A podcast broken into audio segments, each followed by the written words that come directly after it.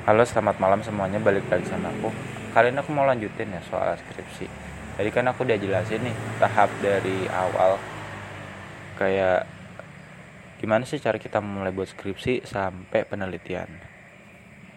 Nah kalau kamu udah penelitian selesai nih Misalkan 3 minggu selesai atau satu minggu selesai. Terus ya udah kamu analisis data Cari tinjauan pustaka. Aku coba cerita ya Kemarin tuh aku selama sebulan cuma yang efektif benar-benar efektif tuh cuma dua pekan atau dua minggu. Soalnya itu kan ada jeda-jedanya ya. Kadang aku malas nggak mood. Ya dua minggu adalah tapi aku efektif bener-bener ngerjain tuh dua minggu kalau di total. Karena kadang aku hari ini ngerjain dua hari kemudian nggak ngerjain. Kadang sehari bisa ngerjain semangat banget tergantung mood. Tapi akhirnya selesai dua hari yang lalu. Aku kan tekniknya tuh ada buku nih ada buku ada jurnal. Di tempat penting tuh apa sih?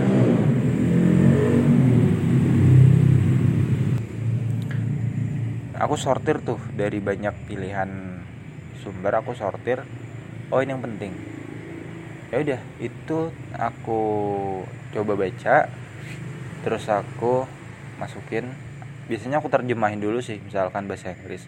Aku terjemahin kan masih kasar tuh. Ya udah aku parafrase. Tapi sebelum diparafrase biar lebih hemat dan hemat ringkas waktu kamu harus ngeringkas dulu. Hapus bagian-bagian yang gak penting. Kamu harus ikhlaskan harus relakan. Hapus bagian yang gak penting.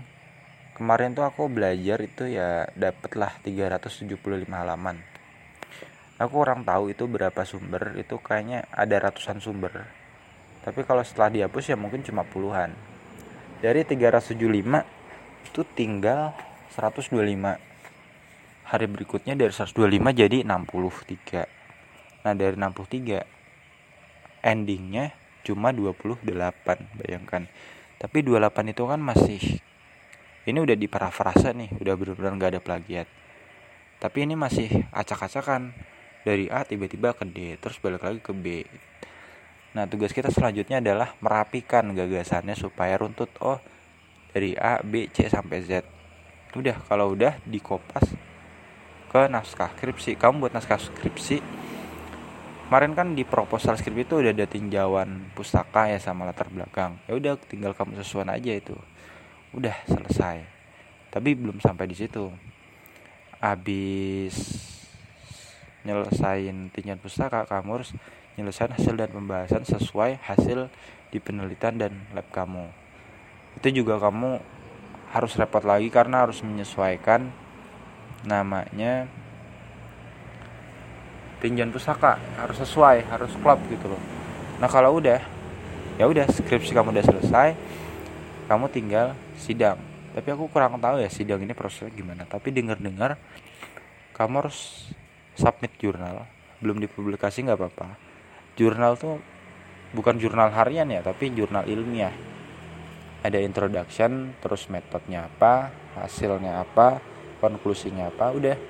Nggak dipublikasi pun nggak masalah yang penting udah submit. Terus kita nggak bisa sewaktu-waktu sidang. Misalkan bulan pertama kita daftar bulan kedua langsung sidang itu nggak bisa. Kamu harus nunggu 4 bulan aturan gitu. Karena apa? Karena penguji sidang kita tuh sibuk semua. Mereka tuh harus ngatur waktu di sela-sela waktu mengajar mereka. Karena namanya penguji itu kan harus hadir ya. Harus hadir dalam jangka waktu tertentu. Misalkan satu jam atau dua jam sidang gitu.